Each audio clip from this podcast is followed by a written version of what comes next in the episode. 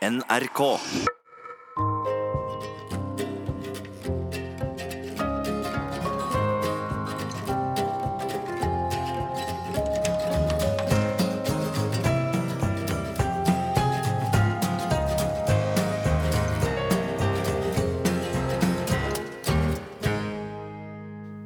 Du har kanskje glemt det nå, men vinteren i år var tøff. Overalt var det rekordstore snømengder. Tak på låver og hus raste sammen. Bygder ble stengt.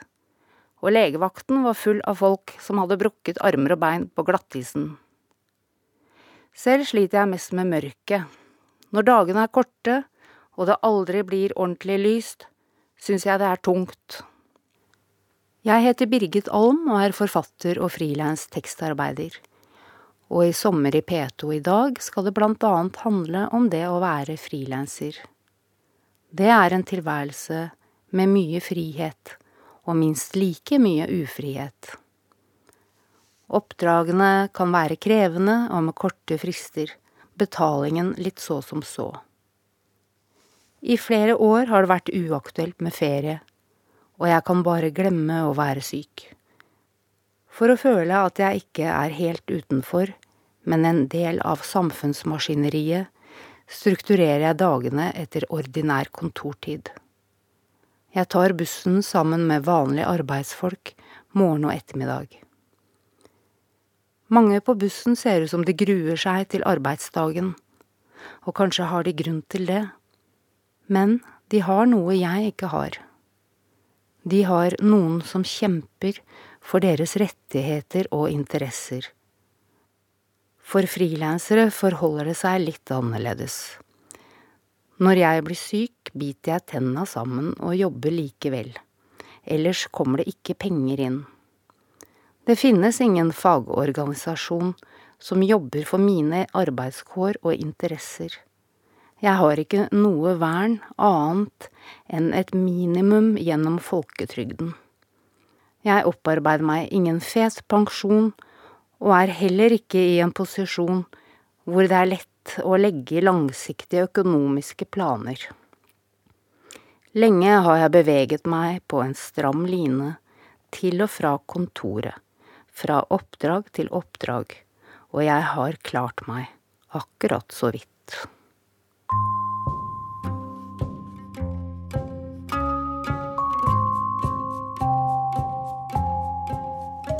Jeg heter Birgit Alm. I Sommer i P2 snakker jeg om arbeid, penger og omveltninger. Men først et tilbakeblikk til 80-tallet. Jeg var 21 år, bodde i en leilighet i Homansbyen, med do i trappa, og hvor kjøkkenet var bad. Jeg hadde droppet ut av videregående to ganger, og i tillegg en kunstskole. Sommeren 1988 dro jeg til England for å besøke en venninne som bodde og jobbet på en Camp Hill. For meg ble det mye åker og eng, og jeg pustet lettet ut da jeg kom til London. På ungdomsherberget møtte jeg flere som hadde kommet til byen for å finne jobb og bolig. Noen av eventyrlyst, andre av nødvendighet. Det var stor etterspørsel etter billig arbeidskraft, og rett som det var, skrev jeg ned telefonnummeret til et hospits som søkte etter vaskehjelp. Jeg fikk jobben. Jeg bodde på sovesal en stund, men fikk etter hvert en hybel, med felles dusj i gangen, og hvor badet var kjøkken. En gang i uka kom utleieren og samlet inn husleia i kontanter. Etter en tid begynte jeg å jobbe på Roberts Fudge Factory, et bakeri som lå bortgjemt i et industriområde. Hver fredag ettermiddag fikk vi utdelt lønna av sjefen. Han satt bak en luke og delte ut brune lønningskonvolutter som om de var almisser. 30 år senere er det flere som kaller romanene mine for arbeiderlitteratur. Det til tross for at jeg stort sett har skrevet om folk som ikke arbeider. Men selv har jeg altså denne røffe bakgrunnen som ulovlig arbeidsinnvandrer, med enda mindre vern enn jeg har nå, og overhodet ingen rettigheter. Tolv nasjonaliteter sto rundt pakkebordet på bakeriet. Blant annet var det en jente fra Israel som bodde i et okkupert hus i Camden. Da hun skulle tilbake til hjemlandet, spurte hun om jeg kunne tenke meg å overta huset. Som lavtlønnet fabrikkarbeider var jeg selvfølgelig interessert i å bo gratis. Da hun flyttet ut, flyttet jeg inn. Jeg var 21 år med enebolig i London. Folk som hadde bodd i huset tidligere, hadde etterlatt seg litt av hvert. Som for eksempel en telefon det fortsatt var summetone i. Det var møbler, hvitevarer, kjøkkenutstyr og klær. Det jeg ikke trengte, solgte jeg på Camden Market. Jeg solgte også smykker og vesker som jeg kjøpte fra et lagerhus. Dette drev jeg med hele vinteren, lenge før Camden Market ble et kommersielt sirkus. Jeg sov på en madrass på gulvet, en madrass noen andre hadde sovet på før meg. Kanskje ganske mange. Men jeg hadde strøm og varmt vann, og så vidt jeg husker, betalte jeg aldri en eneste penny for noe som helst.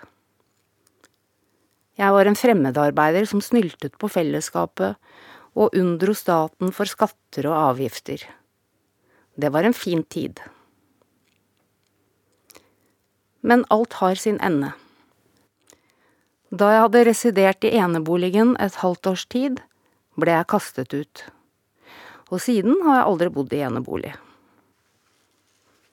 Mange år senere sto jeg utenfor huset i Camden sammen med min ni år gamle sønn. Anstrøket av slum og anarki var borte. Det samme var ugresset, den avskallede malingen og løse steinheller. En svartlakkert port signaliserte velstand og avstand.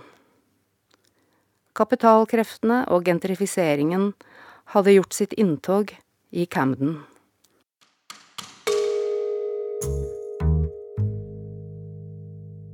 Mange mener at det kan være nyttig å kjenne på fattigdommen, og at man kan lære noe om eksempel ydmykhet og takknemlighet. Det kan jo være noe i det, men de som mener dette, har kanskje selv gått glipp av denne erfaringen. De mener det nok bare godt. Men å ha for lite penger over tid er mer belastende enn man kanskje skulle tro. Ydmykhet og takknemlighet overskygges fort av stress pinligheter, skam og fortvilelse. Å alltid ha for lite penger er som å stå omringet av flammer mens man uopphørlig snurrer rundt for å vurdere hvor det brenner mest. Strømregningen eller husleia. Nye sko til barna eller tannlege.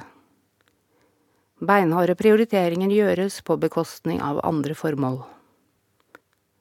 Mange med dårlig råd tar opp dyre kredittlån fordi det er den eneste type lån de kan få.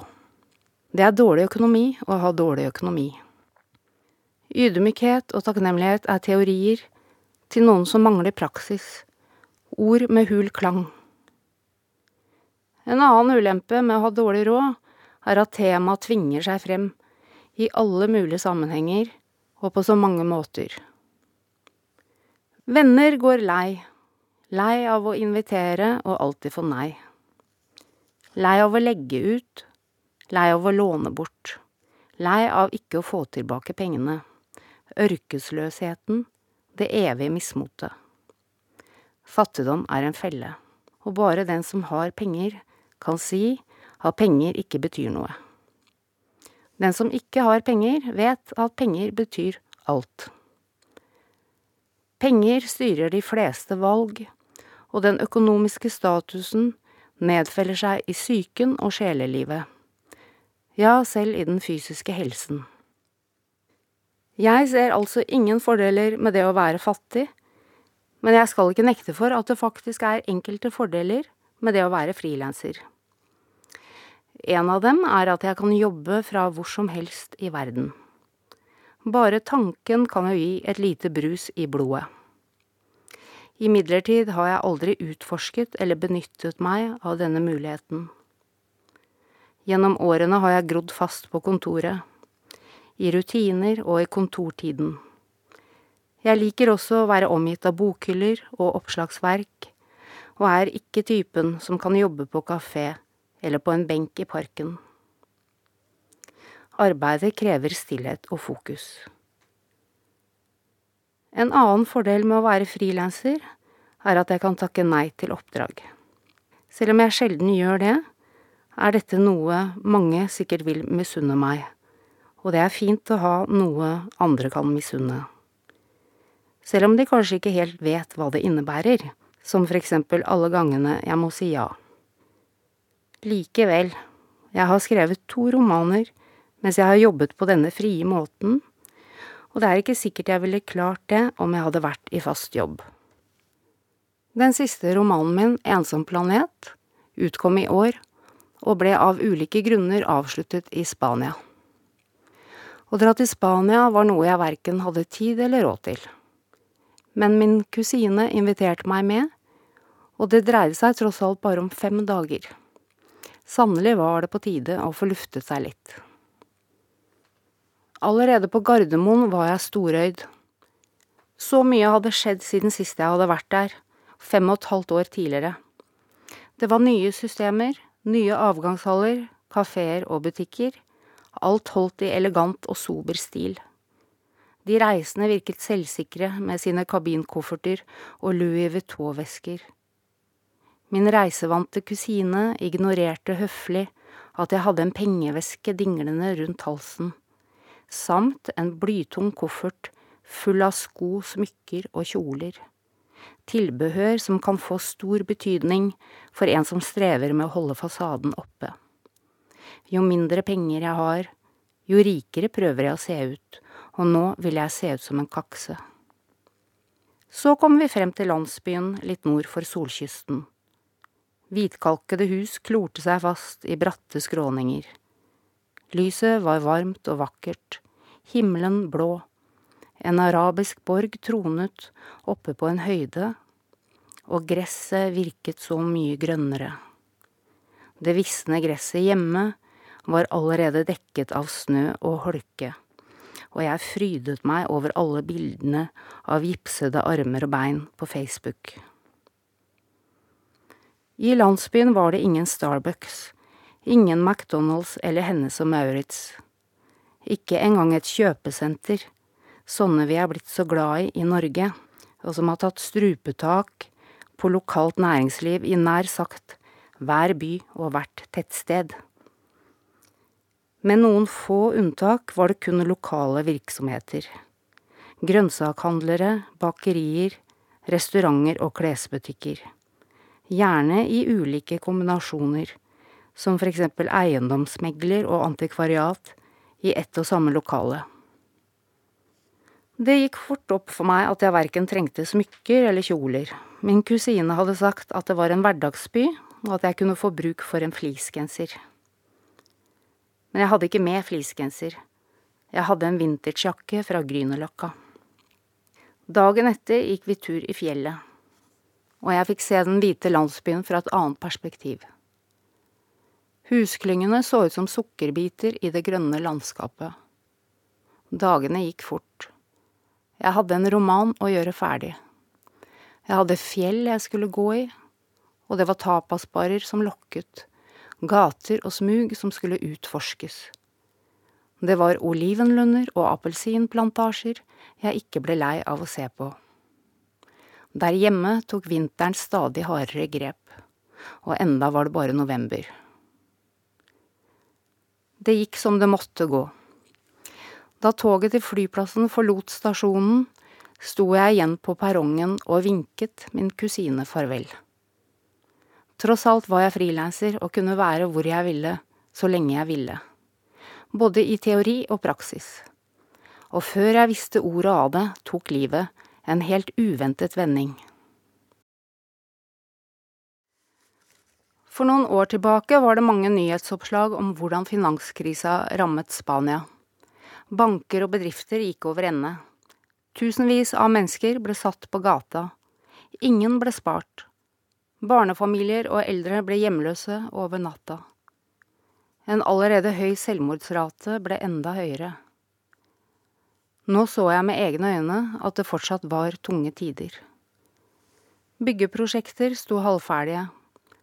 Næringslokaler og boliger var forlatt. På husveggene hang falmede plakater om salg og utleie. I landsbyens hjerte, på torget, står en bygning med fem leiligheter som har ligget ute for salg i sju år. Situasjonen har langsomt begynt å snu, og nå er fire av leilighetene leid ut.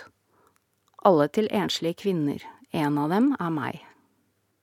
Da jeg fikk se på leiligheten, manglet den kjøkkeninnredning, vann, strøm, møbler, lamper og internett.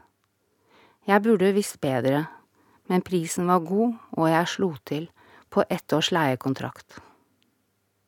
Da jeg fikk henvendelsen fra NRK om jeg ville være med i Sommer i P2, var jeg tilbake i Spania etter en svipptur hjem for å leie ut kontoret og leiligheten min i Oslo. I min nye spanske leilighet var kjøkkenet på plass, og jeg installerte meg med en provisorisk arbeidsplass på soverommet. Utgiftene hjemme dekket seg selv i alle fall for to måneder. Jeg ville teste om det gikk an å jobbe på denne måten, før jeg eventuelt satset på et lengre opphold. Det gikk for så vidt bra, selv om det ikke var helt det samme som å sitte på kontoret og ha lunsj med andre frilansere. Lunsjen ble nå utelatt eller inntatt i ensomhet, eller sammen med noen av de norske pensjonistene som har leilighet i landsbyen. De er der om vinteren. Det er et bra valg. Og det fikk meg til å tenke stadig mer på fremtiden. På alderdommen, faktisk. Og at det er 16 år til jeg er pensjonist. Dette ledet meg til Navs pensjonskalkulator, og jeg så at uansett variabler, som botid i utlandet og fremtidig inntekt, er estimatet for min pensjon nøkternt. I slutten av april satt jeg igjen på bussen i Oslo for å yte min skjerv i samfunnsmaskineriet. Arbeiderne i verdens lykkeligste land virket like mismodige som før, enda lyset var tilbake. Jeg var brun og energisk etter oppholdet i Spania, og så på både det ene og det andre med friske øyne. I tillegg til estimatene i pensjonskalkulatoren hadde jeg begynt å regne på gevinsten jeg kunne få ved å selge leiligheten. Den har steget betydelig i verdi siden jeg kjøpte den, og et eventuelt salg vil frigjøre kapital, som det heter, og kanskje meg. Noen mente at jeg ikke måtte finne på å selge. Har du først en treroms på Grünerløkka, er det bare å holde seg fast. Dessuten, innen jeg går av med pensjon og på et eller annet tidspunkt går ut av tiden, vil verdistigningen komme arverekka til gode. Andre syntes det hørtes smart ut å selge og kjøpe noe billigere.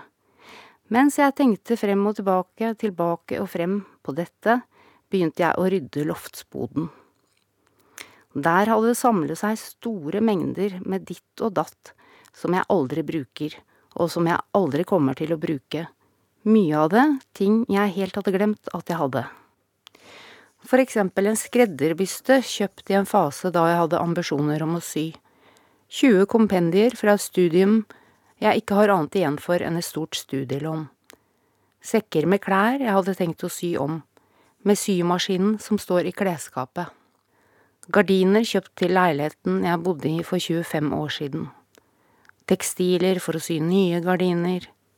Gardinsnorer, gardinstenger, gardinringer, rullegardiner. En eske med damaskduker og tøyservietter fra mine besteforeldres hotellvirksomhet, som ble avviklet på 70-tallet. Ringpermer med gud vet hva. En feilkjøpt skapdør. Billedrammer til fotoveggen jeg aldri lagde. Korktavler, bordplater, bordben. Boller, vaser, fat. En brødbakemaskin. Hvite hyller, grønne hyller, hylleknekter, sengetepper. Et surround-anlegg, sist brukt for ti år siden. Ifølge ryddeekspertene vil vi bli lykkeligere hvis vi kvitter oss med halvparten, eller kanskje til og med mesteparten, av det vi eier. Jeg var klar for å bli lykkeligere. Nådeløst klar. Jeg kastet, ga bort og solgte og kjente meg lettere for hver ditt og datt jeg ble kvitt. Og en dag ringte jeg eiendomsmegleren. Den samme som sto for salget da jeg kjøpte. Den gangen var leiligheten oppussingsobjekt, og mens folk måtte gå fra gård og grunn i Spania, ga finanskrisa meg en mulighet til å komme inn på boligmarkedet.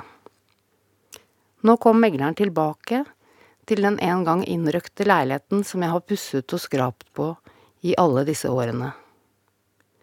Han mente at den utvilsomt ville være lettsolgt. I rask rekkefølge kom takstmann og boligstylist. Boligstylisten rådet meg til å male og fjerne det meste av interiøret for å makse salget. Hun sa at jeg måtte tenke soner og ikke være redd for farger, jeg som aldri har hatt noe annet enn hvitt. Jeg malte flere rom og fortsatte å kvitte meg med ditt og datt. Fremmede folk fra Finn hentet bokhyller og brødbakemaskin. De tok sofaen min, vaskemaskinen og tørketrommelen. Jeg kjøpte ny sofa og nytt bord på Finn. Jeg handlet puter, pledd og lamper. Jeg kjøpte grønne planter og potter i terrakotta og festet løse ledninger og gulvlister. Jeg vasket vinduer, skuffer og skap. Og endelig ble det et hjem jeg kunne tenke meg å bo i. Men ikke for enhver pris.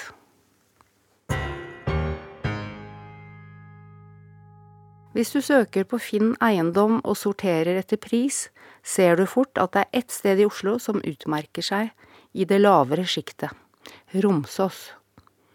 For meg et sted i det fjerne. Men nå har jeg vært på flere visninger der. En av meglerne der oppe sa at det er en trend at folk flytter fra Grünerløkka til Romsås. Om det stemmer, vet jeg ikke men boligprisene på Romsås er i alle fall rundt en tredjedel av prisene på Grünerløkka. Kanskje er de særlig lave nå som det skrives så mye om Vestli og Stovner, bare steinkast på natteravner unna. Det har oppstått en krise i Groruddalen. Mange har advart om dette lenge. Biler settes i brann, barn lokkes til å selge narkotika, og opparbeider seg gjeld til skumle bakmenn. Nå har politiet satt inn ekstra ressurser. Mer eller mindre organiserte grupperinger patruljerer gater og T-banestasjoner og prøver å være til stede for rotløs ungdom. Hvem med vettet i behold vil flytte dit? Folk med dårlig råd, selvfølgelig og kanskje noen fra Grünerløkka som er lei av å klore seg fast i indrefileten, og som ønsker seg større plass og nærhet til skogen. For på Romsås ligger marka rett utenfor døra. I boligprospektene opplyses det at 31% av befolkningen på Romsås er gift, 35% er barnefamilier, 22% har høyskoleutdanning, 40% har inntekt over 300 000. 89% eier sin egen bolig. Hvorvidt resten av boligene er kommunale, står det ingenting om, men jeg har mine mistanker. Det står heller ingenting om etnisitet eller religiøs tilhørighet, men alle vet jo hvordan det er i Groruddalen. Jeg har ikke studert boligprospektene på motsatt side av byen, men jeg føler meg trygg på at statistikken forteller en annen historie om dem som lever der. I alle fall leser jeg på SSB sine sider at gjennomsnittsinntekten i bydel Vinneren er nesten dobbelt så høy som gjennomsnittsinntekten i bydel Gamle Oslo. I bydel Sagene dør menn ni år tidligere enn menn i Vestre Aker, og lengst lever vestkantkvinnene. På Nedre Tøyen lever 64% av barna under fattigdomsgrensen. På Røa er tallet 5% Jeg innrømmer glatt at hadde jeg kunnet velge, ville jeg bodd i en ærverdig gammel bygård på Frogner, med rosetter i taket og kakkelovn en bohemleilighet med rød fløyel, hvor jeg kunne gått alderdommen i møte under dinglende lysekroner. Jeg kunne kanskje hatt råd til en studioleilighet på 20 kvadratmeter innenfor Ring 2 og beholdt min urbane livsstil, men der ville jeg ikke blitt gammel. Oppholdet i London på 80-tallet er på sett og vis beskrivende for hvordan livet mitt har vært og blitt. Jeg var mer opptatt av spennende opplevelser og frihet enn av å ta fornuftige valg. Ikke bare i London, i årevis fartet jeg rundt i verden. Den første gangen dro jeg til Indonesia, 18 år gammel. Hver gang jeg kom hjem, ville jeg bare ut igjen. Reisene gjorde livet mitt rikere, men det førte også til at det ble ustabilt og økonomisk anstrengende. For eksempel var jeg leietaker i flere tiår før jeg fikk kjøpt en leilighet. Den jeg bor i nå. Hvor jeg endelig landet. Nå fremstår den i fine farger, og snart skal jeg legge lime og sitroner i en skål og oppkuttede grønnsaker på det fine fatet. Blomster skal i vaser, vinduene skal skinne, og sengene vil være fulle av freshe puter og pledd. Så kommer fotografen. Det skal lages prospekt med opplysninger om demografien i området og avholdes visning. Og om noen måneder skal noen andre bo i mine rom, våre rom, og jeg skal finne nye rom, innrede dem, bo dem inn og organisere ditt og datt i atter nye systemer. Når folk igjen sklir rundt på holka og brekker armer og bein, bor jeg kanskje i en leilighet i Groruddalen og har færre utgifter og bedre økonomi. Er jeg heldig, får jeg en leilighet med utsikt til byen jeg har tråkket rundt i i de siste 34 årene. Det kan umulig være så ille i Groruddalen som en kan få inntrykk av, antagelig er det mye bedre. Og uansett kan jeg alltids dra. For på et torg i en landsby i Spania venter en arbeidskrok på soverommet. Et fristed i frilanstilværelsen. I en landsby hvor mange ville vært sjeleglad om de hadde hatt en jobb. Noen av dem vil kanskje trekke nordover og havne på en kjip hybel uten bad og kjøkken, for langsomt å bygge seg opp en bedre tilværelse.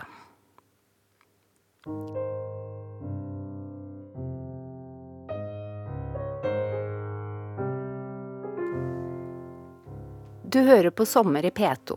I dette programmet har jeg, forfatter og frilans tekstarbeider Birgit Alm, prøvd å vise at finansiell og eksistensiell er to sider av samme sak, selv om det kan være greit å skille mellom de to iblant også. Hvis ikke kan det gå litt i ball.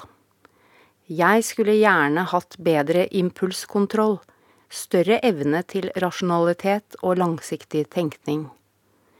En liten tur til Spania, og jeg var straks i gang med å endevende hele tilværelsen. Det var ikke før jeg hadde kastet, solgt og gitt bort minst halvparten av mine eiendeler, malt vegger, dandert puter, potter og planter, at det begynte å demre for meg hva jeg hadde satt i gang. Det finnes kanskje en diagnose for slikt. Kanskje til og med en pille som kunne ha roet meg ned, utjevne tankene, gjort meg litt langsommere. Vel. Da nesten alt var klart, tok jeg en pause og syklet ut i den jubelgrønne Oslo-sommeren. Gjennom gater hvor armer og bein måtte gi tapt for ikke lenge siden. Ingen så ut til å ha et arbeid å gå til. De var vel i streik eller hadde fått fri fordi det var så varmt. Jeg kjøpte en cortado på den arabiske kaffebaren i Torgata og satte meg i skyggen. De andre gjestene var menn fra alle verdenshjørner sør for Middelhavet. Muligens bosatt på Romsås.